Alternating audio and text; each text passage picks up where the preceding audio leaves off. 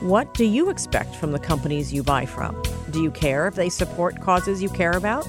Do you take the time to see if they're reducing their energy consumption or using renewable energy? Do you check out if they recycle or use recycled materials in their products?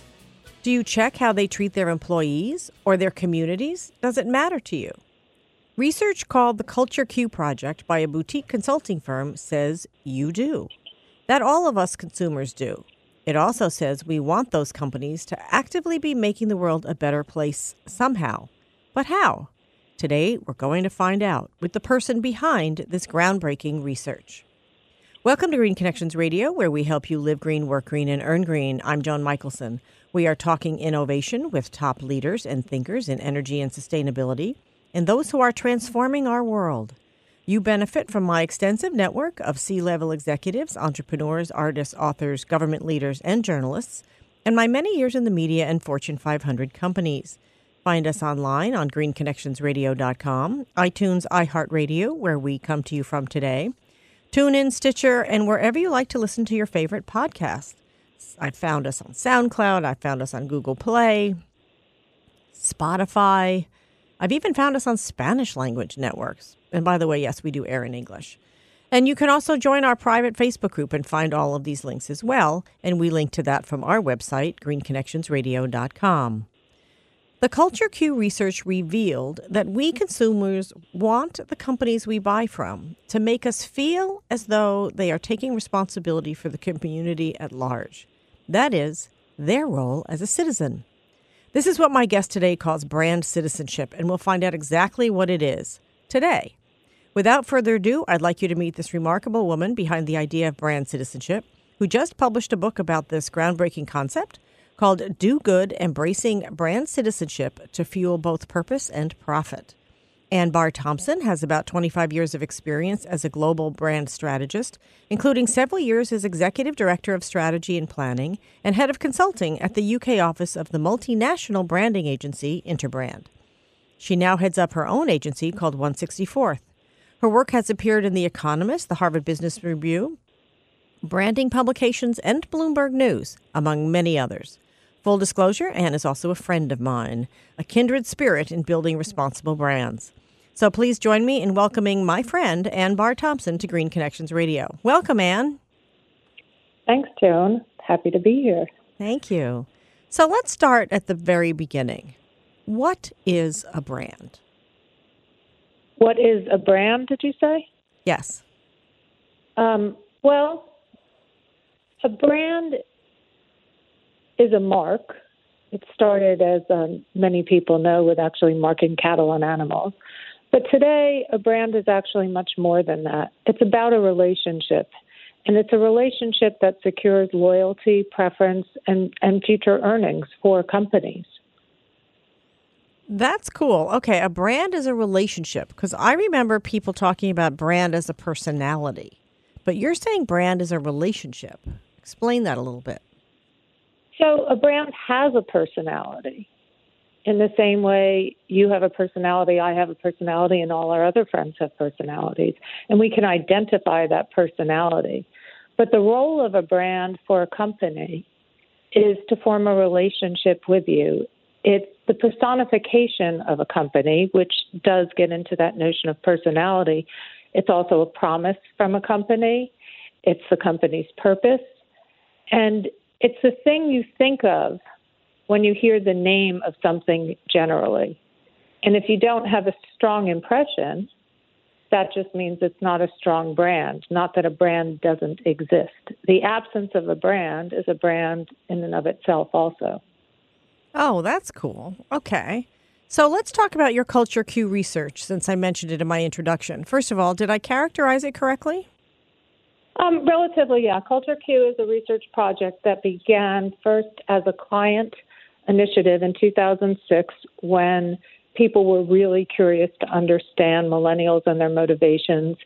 Um, and millennials were just really starting to come into the purview of businesses as a target audience. Um, and it moved on from there to be an informal project where we kept conversations going with millennials that introduced us to other millennials and periodically some more formal quantitative or qualitative research for other clients. In 2011, we decided to start using it a bit more as a trend study for our own work. And at the end of 2011, we went out into the field in the US and the UK and started talking to people about their hopes and dreams for the coming years, their fears, the brands they thought were good corporate citizens, the brands they thought were irresponsible or bad corporate citizens, as well as the brands they thought would exhibit leadership in the coming year. And the learnings we had during that period surprised us. And as a result of them, I granted myself money over the next three to four years, and we deconstructed the notions of brand leadership from good corporate citizenship and from favorite brands, which is a substitute or or a way to think of loyalty to a brand. Favored brands is that what you called them? Favorite. Oh, sorry. Oh, favorite brands. Favorite, okay. as in your favorite brands. Which brands um, you prefer? Which brands you're most loyal to? Right. So, what is it that you found created the loyalty? Well, loyalty was really interesting, and um, what we discovered over time was that people were loyal, especially millennials, to 12 brands. They had 12 brands in their inner circle, and they noticed everything these brands did, and they paid attention to them. To break into that inner circle was very difficult, and these were brands that they tended to look first to when they were buying whatever it is they represent. Um, they didn't 100% of the time buy all these brands, but most of them they did. And what it showed us was there are great challenges when you're you're trying to break into someone's circle, when you're trying to get noticed. And we all know how much media there is out there. We don't even realize how many brands are talking to us that we miss. So breaking into that circle means you have to speak about things that matter to people. Yes, you can get attention off, you know, some quick social media viral thing, but that doesn't mean you're going to get attention in a way that's going to create someone to look at you to purchase. How do you suggest to people that they rise above the noise? Then how can you tell what your audience or your market wants to hear about in order to break through, assuming that you don't already have you're you're not already in the the, the circle of 12 well so breaking through in and of itself in terms of media is certainly not 100% of my expertise. So i would leave that to advertising people and pr people and things of that nature to answer that. But what i can answer is how you nurture and cultivate loyalty with people. And that is about being consistent and marketing started out in the 60s with this notion of positioning, and you position yourself toward people who are within your target audience. Today, positioning is much more about the what, what you do. People are interested in learning why you do it, what's your greater purpose, as people call it today. So, if a brand starts with a purpose and then runs across the five steps we uncovered through the course of three to four years of research, in a consistent manner, they build loyalty. And what those steps are are trust. First, you have to do what you say. Then it's enrichment, make people's lives better, faster, stronger, understand them, and you're serving them in ways you understand them. And people that brands that fit within those first two steps are what we call me brands. They target your individual problems. What our research showed us was people are also interested in brands solving their greater we concerns. And a lot of this has to do with what's been going on in government. If you remember, 2011 was another election year, and there still was concern about can politicians, can government solve the bigger problems out there? And what we had people telling us in the research was they felt businesses, they felt brands were more suited to this. So brands fulfill those me needs. And then there's a pivot point, step three, called responsibility. And that's some of the classic notions of CSR.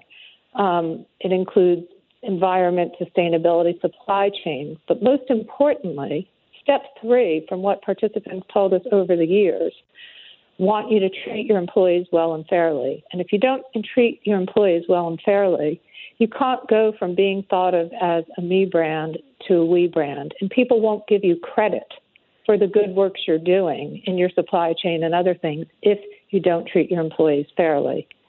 Um, that then naturally leads to step four, which is about building community. And community is not just about social media, but it's about bringing people together through shared values. Um, and clearly, you can see how that extends from employee because if you create a work environment that's about shared values and showing you care and advocating for the things that matter to your employees, as well as advocating uh, for the things that matter to your, your customers, you then form a community. And then from that, step five is contribution, and that's make me bigger than I am. So through my association with you, you make me feel like I'm doing good because I either work for you or I purchase things from you. Okay, so that's interesting, and there's a whole lot to unpack in that. But briefly, um, so you developed the, these five steps from the research, right? Yes, they, they came from the grassroots up, and it's interesting because because purpose, because doing well has become so popular since 2011 people assume I set out to create this model. And as I mentioned, it wasn't what the intent of the research was. We were looking to create trends. And what people were telling us was so important, we didn't want to ignore it. This is a model that stems from the grassroots up and from deep investigation with over 6,000 people to understand how they view this consistency, how they see businesses cultivating loyalty, and moving across what emerged um, that I call the me to we continuum. So, how you move from serving me to serving the bigger we. Mm-hmm. Well, that was my next question, really, was who participated in this research that you then I, I, love this when when research gives birth to a pattern i love that so tell us who you actually talked to who who you said 6000 people you surveyed 6000 people tell us about the the methodology of the survey yeah, so it was a combination. It was over 6,000 people, and it was a combination of qualitative and quantitative research. Qualitative meaning it was more exploratory. We had people keep journals and things of that nature to get at what we should be testing in the quantitative research. Um, there were two different quantitative studies we did one that focused on the brands they named as leaders, um, good citizens, bad citizens or responsible citizens and favorite brands, and another that focused on the ways they define those things. And we ran each of those two quantitative surveys three times hmm. um, over the course of three years to see the evolution. The people who participated varied. In the very beginning, it was much more about what we would call early adopters. So people that start doing things early. They're not trendsetters. They represent more how the rest of us behave. They just do that a little bit earlier. And how we identified them had to do with they were news aware people and they also tended to adopt new technologies within the first six months for some of them and for bigger things within the first 12 months. Uh, over time, we blended those early adopter type news aware people um, with more general public just to see if if their notions were spanning outward and how fast they were. And we did see that over time, what these early adopters told us was moving into the mainstream. And now you see this is people are talking about this regularly. Um, McKinsey, BCG, EY all have studies that show that brands that focus on long termism, brands that focus on sustainability and things of this nature actually outperform the rest of the stock market. Mm-hmm. What about the breakdown in terms of age, region, and gender? And income? So, uh, gender was 50 50, male, female. Age was, um, we broke it into three groups millennials, Gen Xers, and baby boomers.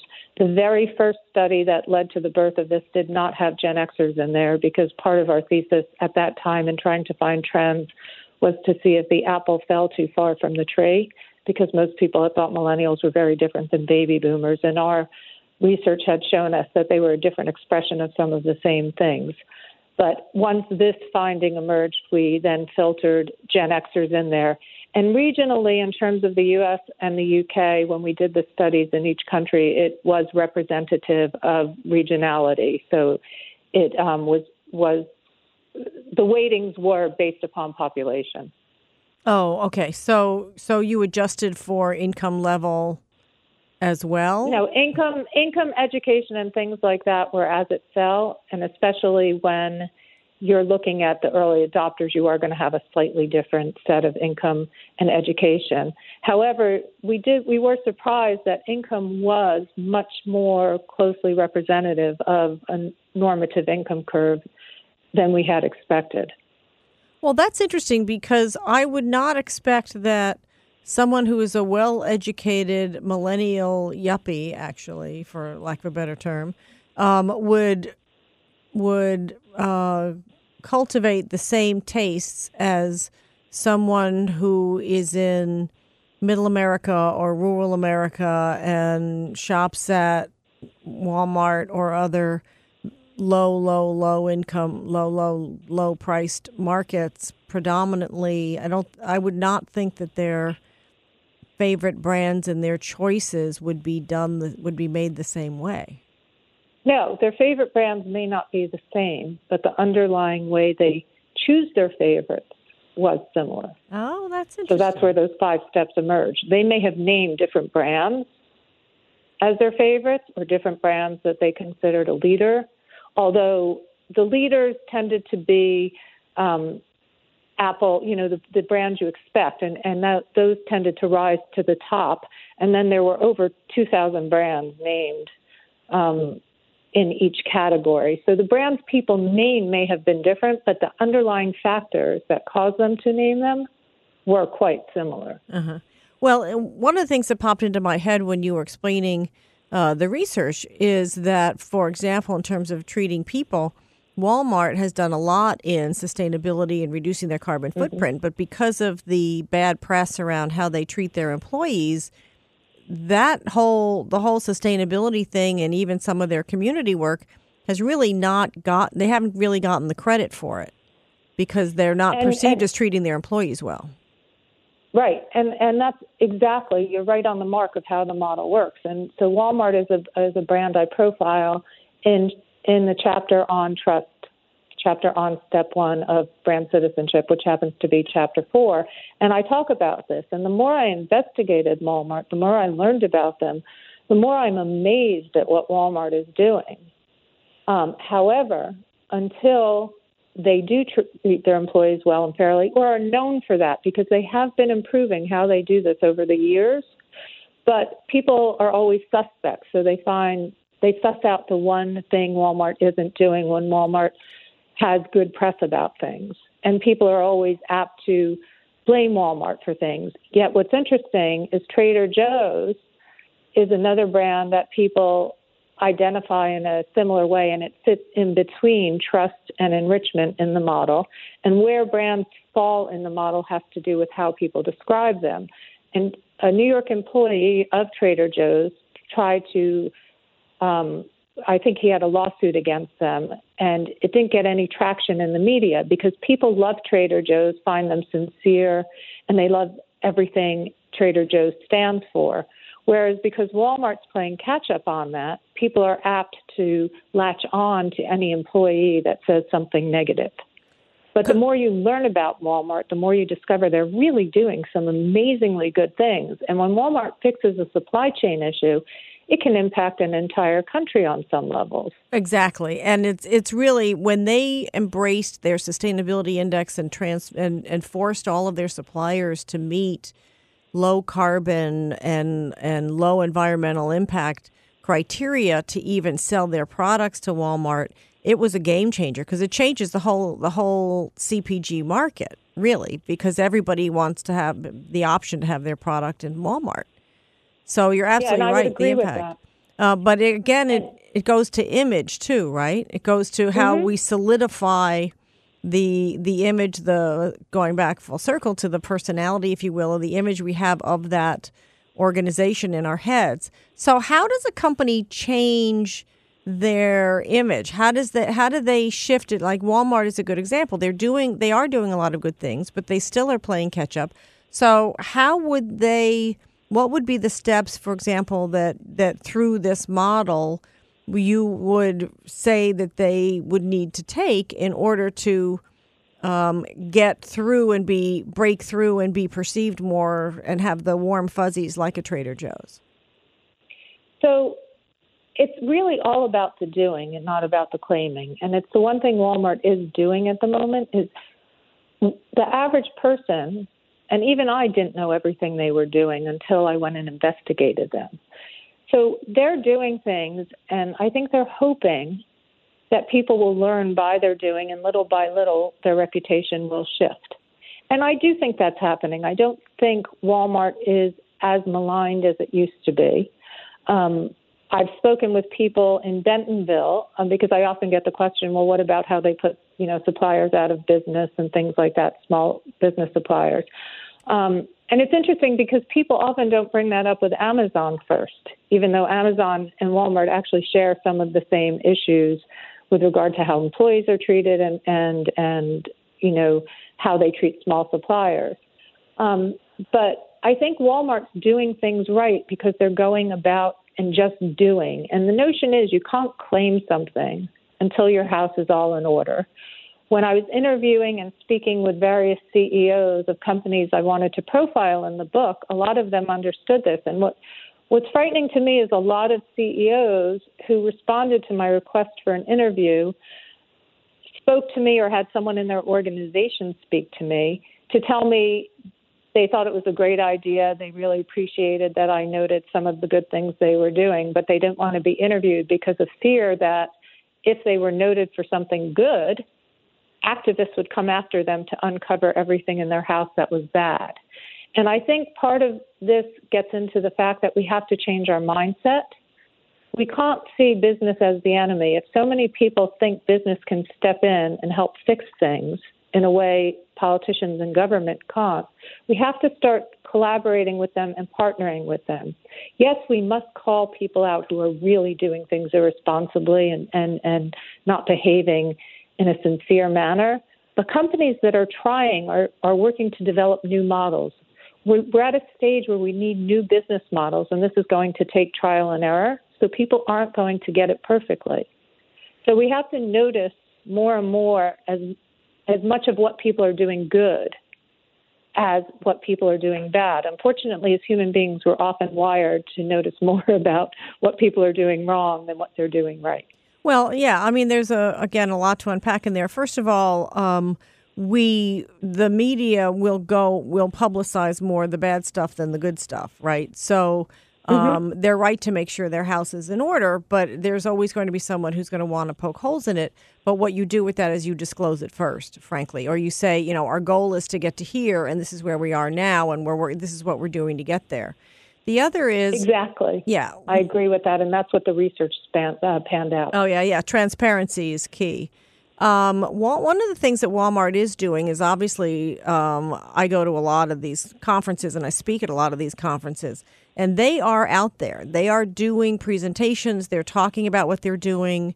Um, they're giving things away. You know, sometimes it's food, sometimes it's whatever um, and they go into communities like around the hurricanes and disaster. They're they're usually the first trucks out of the gate to bring supplies in a natural disaster. Um, and they bring and, and blankets and water. It is all about doing because mm-hmm. as they do, they get noticed. So what's interesting to me also about this is um, brands spend, as you and I both know, for years uh, millions of dollars to build their brand, right? They refine their message, they spend tons with agencies, um, they they are highly, highly, highly invested in the messaging and the branding they've developed. And then this research says, well, okay, you invested all this, but nobody gets it. I mean, how do you change the people who how do you affect, you know, get the people who made all these decisions, who invested all of these dollars and, and bought into this messaging and the way they've been doing business? Those are human beings. How do you get them to change their mind and say, okay, well, you know, maybe you know, one strategy is, well, that worked yesterday, but it's not going to work tomorrow? I mean, how do you how do you get those people to look at this differently? And change. Well, and I, I think that's a really important point. It has to come from the top. It has to come from a notion that we are responding to what people are asking for. And we're going to be brave and set off on this journey. And we know we're not going to get it right out of the box, but we're going to work on it. A lot of big consumer goods companies are doing this. You think of Unilever has been mm-hmm. playing with this formula for several years now.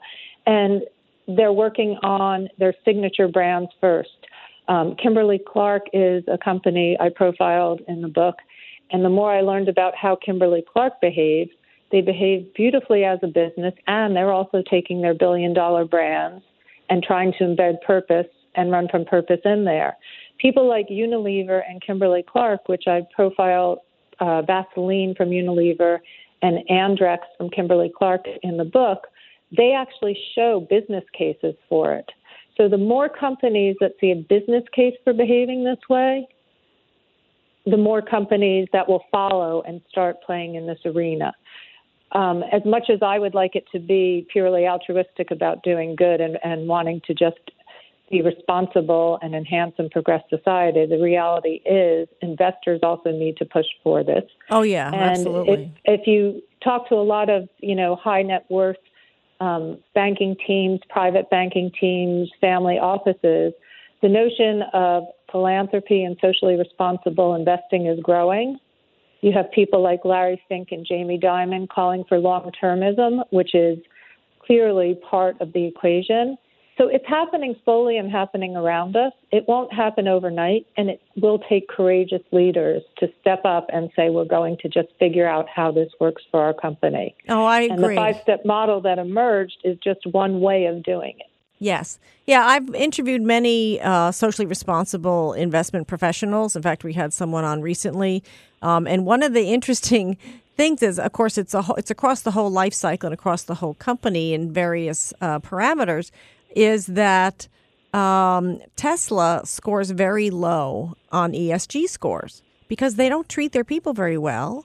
They don't are not transparent at all, and their their factories are not very eco friendly, even though they're putting out these amazing eco friendly vehicles.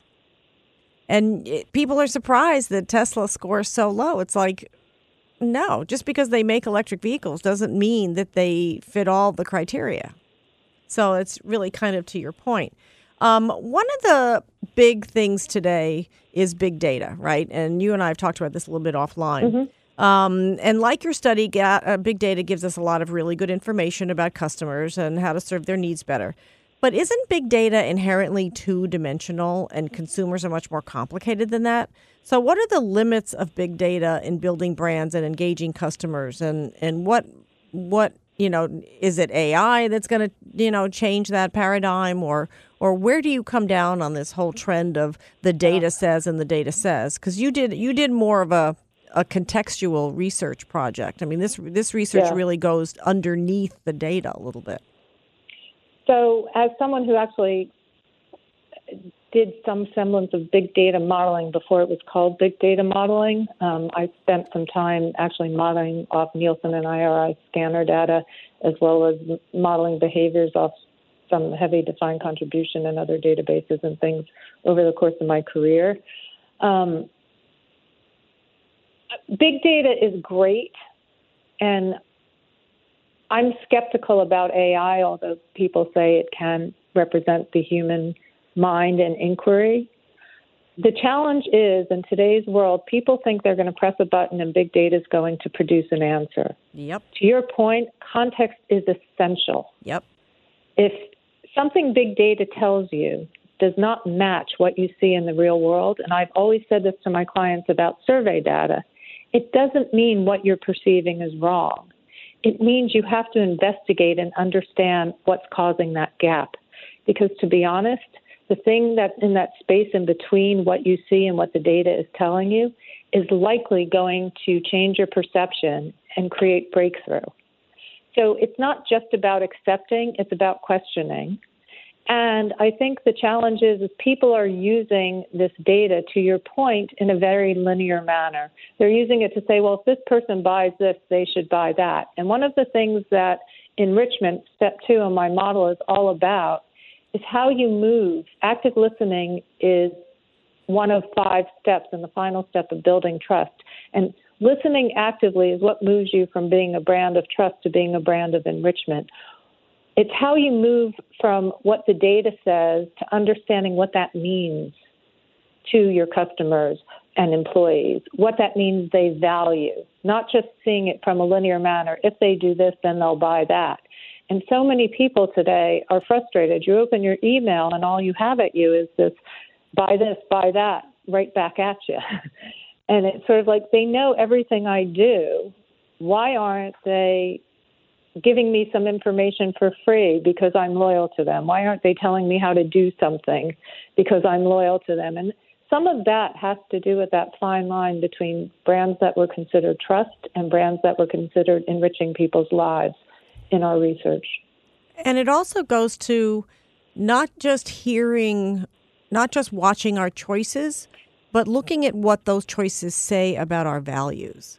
So exactly, for, exactly. For example, when I was at Chrysler, I looked at data and it was kind of vanilla. And then I got the actual research and dug below. I mean, the first research said men buy cars. Okay, but if you actually look at the data, for example, women say, Here, honey, here's five cars I'll buy and I'll drive. Choose one of these.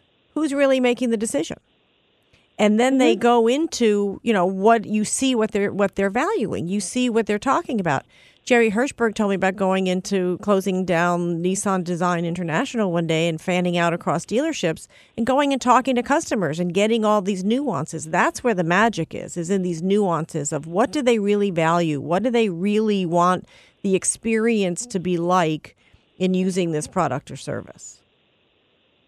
Yeah, and I would agree with you. And right in there, again, that goes into the context. It's not just taking data as information, but it's taking it as a surrogate for how people behave mm-hmm. or digging deeper to understand what the motivations are.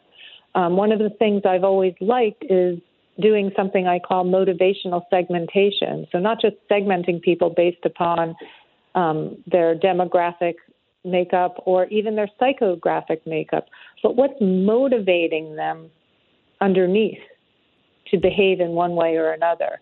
And once you figure that stuff out, that's where then you can use big data in ways to create journeys, to understand what people do at what time of day, and contact them when they're in the right mindset. There's so much more you can do with it then. Mm-hmm.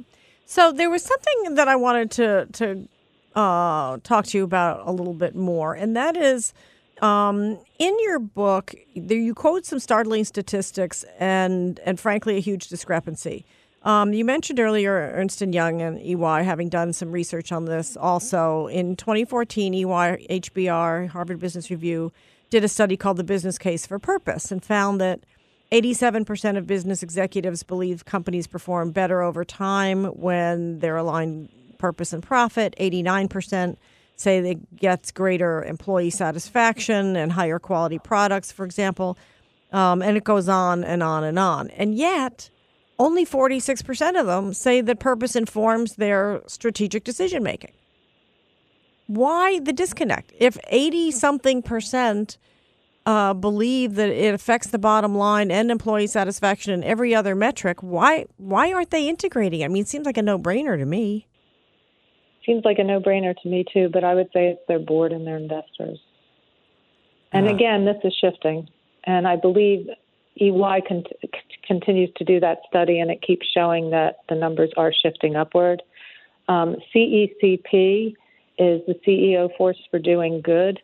Um, they have over, I think, over 200 um, large corporations as members, and they're all working on this. What what equations, what formulas, what ways can we do this to integrate it?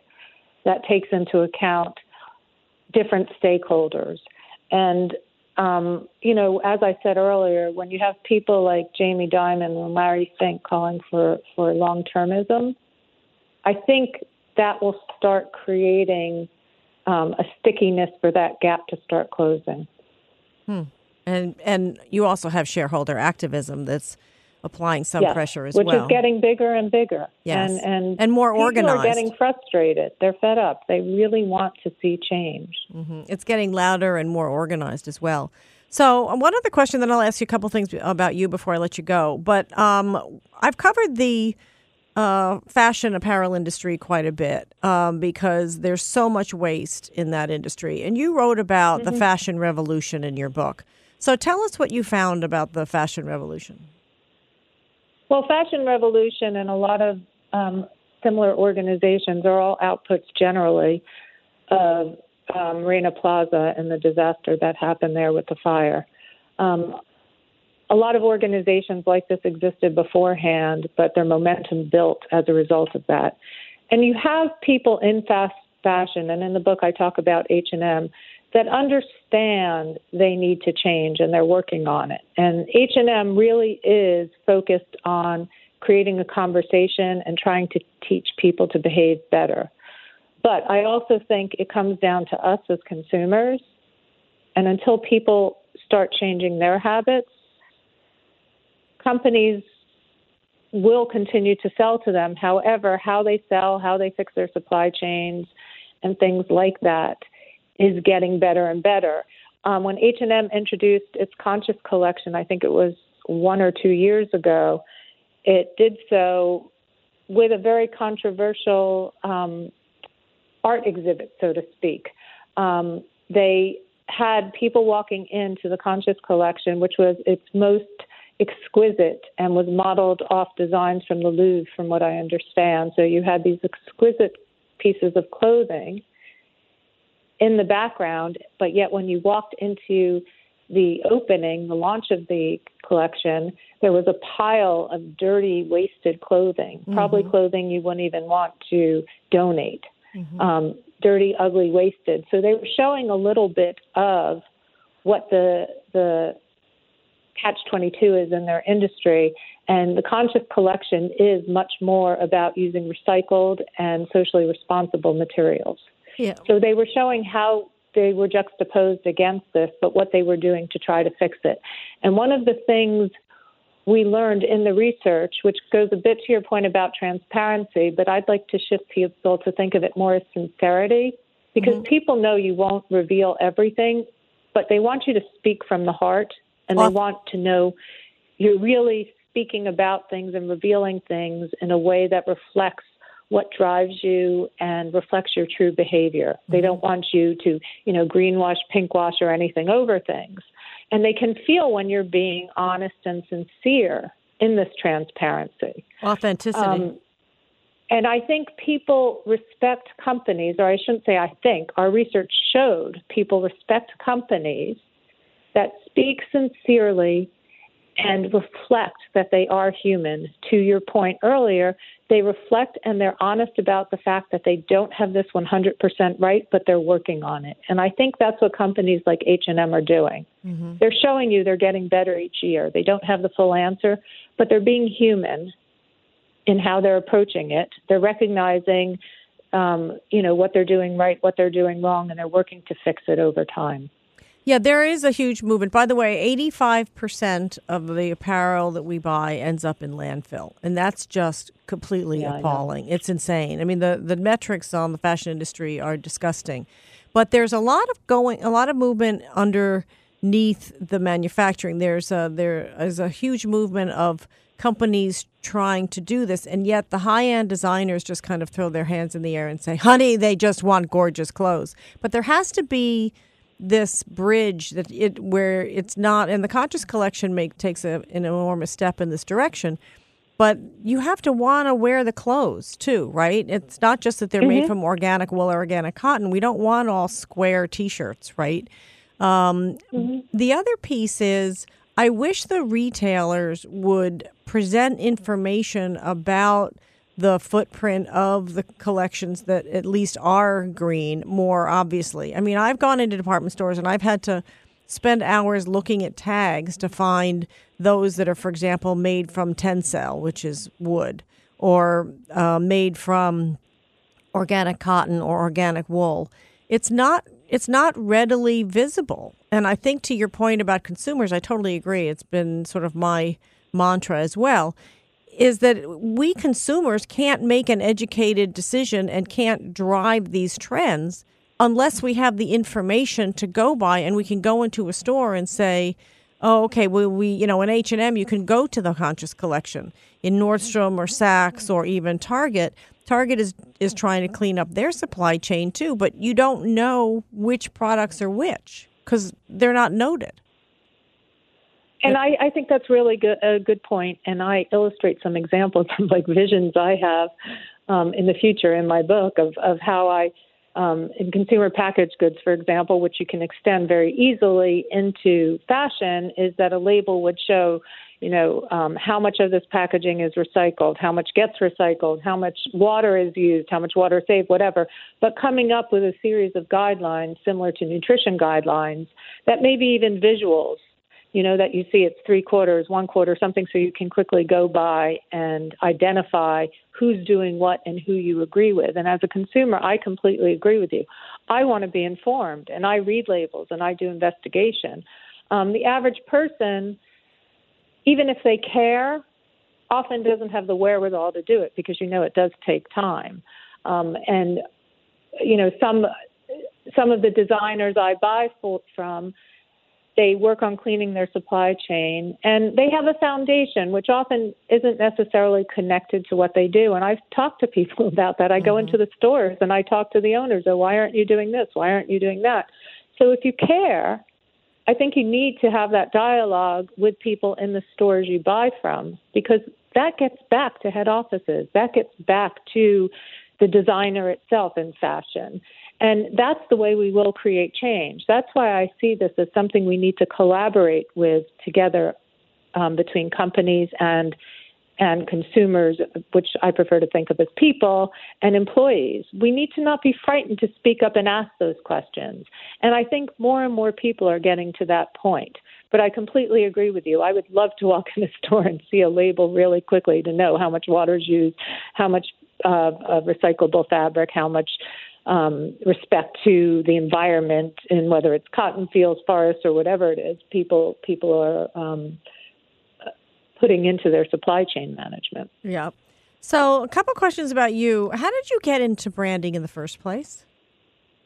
How did I get into branding? Um, well, I actually worked in advertising briefly. Um, was a product manager in banking and in strategic planning in banking, and um, went back to the agency side and organically realized everything I had been doing in my career was about building consistency and building a brand, even though until the mid 90s, a lot of that stuff wasn't called branding. Um, so I had a lot of background in consumer uh, customer retention and things of that nature in banking, which that combined with my consumer goods and my modeling of of what motivated people to buy things and how they bought naturally just lent me into branding, which for me was sort of like coming home. Um, and branding to me is not about advertising. It's always been about consistency and continuity and representing uh, what we used to call a, a higher vision, which now has transformed or morphed into the notion of purpose. And it always was about motivating change in an organization and motivating people to authentically deliver what it was they were promising people. Mm-hmm. So you have climbed the corporate ladder to the top. As a woman who has tra- traversed the minefield of middle management and evolved beyond it, what do you think is holding women back from advancing into senior ranks? Oh, God, if I knew that answer, I'd have the oracle. Um, I think I think we're in a challenging notion right now because people are telling women to step up and you know, be braver and step forward into the dynamics that exist today. Um, and there are a lot of us. You and I both are not people known for being quiet. We're um, not shrinking violets, right? Um, yeah, we've always been brave and stepped up and spoken, but that doesn't mean the journey was easy. In reality, some women who um, behaved more in an expected manner, actually, the journey was sometimes easier for them. I think what's holding us back is the model itself. And in the same way, my five step model calls for more collaboration, it calls for breaking down walls, it calls for breaking down silos. I think women need to work in part on changing the notion of functionality and linear organizations into seeing organizations more as flow through processes and, and change the dynamic, not accept the dynamic and work within it, but work to change it and make it represent more about fairness, more about collaboration, more about the things that underlie feminine principles and feminine power. Wow, that is a long conversation you and I need to have someday. yeah, a whole different a whole different notion. But I do think that notion of breaking silos down and breaking walls down and integrating. And I shouldn't say I do think it is embedded within the five step model of brand citizenship. It's and also I believe that it probably reflects more of a feminine energy than a masculine energy, if I dare say that. I agree. I was going to say it's really more of how women do business anyway. And in fact, it's one of the issues that has plagued women in corporate America is, you know, our natural inclination is to be more collaborative. And yet, because of the the male designed model that's been perceived as a weakness when in fact it's a strength and it's necessary especially in the 21st century um, longer conversation to follow. So, what would you suggest in closing to a woman in mid career? She's educated, she's got at least 10 years, maybe 15 years under her belt. What would you suggest to her uh, if she wants to use her career and her experience to make a difference and advance? What would you what would your advice to her be? So, not to sound like a career coach, but I think you need to step back and reflect on what you're trying to achieve and what your purpose is. Why are you doing what you're doing beyond making money? Um, and what's hard to do is separate out the notions of what, what part of your ego is driving you versus what part of your heart is driving you. Mm-hmm. And that takes some time and reflection. But I think to move beyond mid career into senior career that actually find fulfilling and satisfying, which more and more people are looking to do, you really do need to understand what things energize you and what things drain you. Um, smart, ambitious women are really good at doing virtually everything, and they will find a way to get it done, even when they're not good at it. And I think a lot of that is what drains us because we think we have to be perfect at everything. I think we need to focus on the things and identify the things that energize us and get us excited about going to work and start finding ways to put more and more of that into our day because when you do that, you reflect that energy of happiness and fulfillment, and that will get you into a next step that actually serves you in a bigger way than just getting a promotion and earning more money. I love that. That's great. And I would also say that um, you can do that in your job now. You can find mm-hmm. something about what you're doing that you like. Maybe it's the people that you work with, maybe it's some aspect of the work you do, maybe it's the information you're working with, maybe it's feeling like you're making a difference on a larger level. Um, whatever it is, it's not necessarily throw out the, the, the baby with the bathwater and completely, you know, junk what you've done so far. It's look at where you are now and find what can be fulfilling and what can be engaging about it and start there. Yeah, I would agree with that wholeheartedly because the more you do things you love and the more you remember which bits of your job you love during the moments of doing the pieces that aren't satisfying, the more satisfied you will be with your job overall. Mm-hmm. Absolutely. Well, thank you so much. And this has been incredibly terrific. I knew it would be, but you've even exceeded my expectations.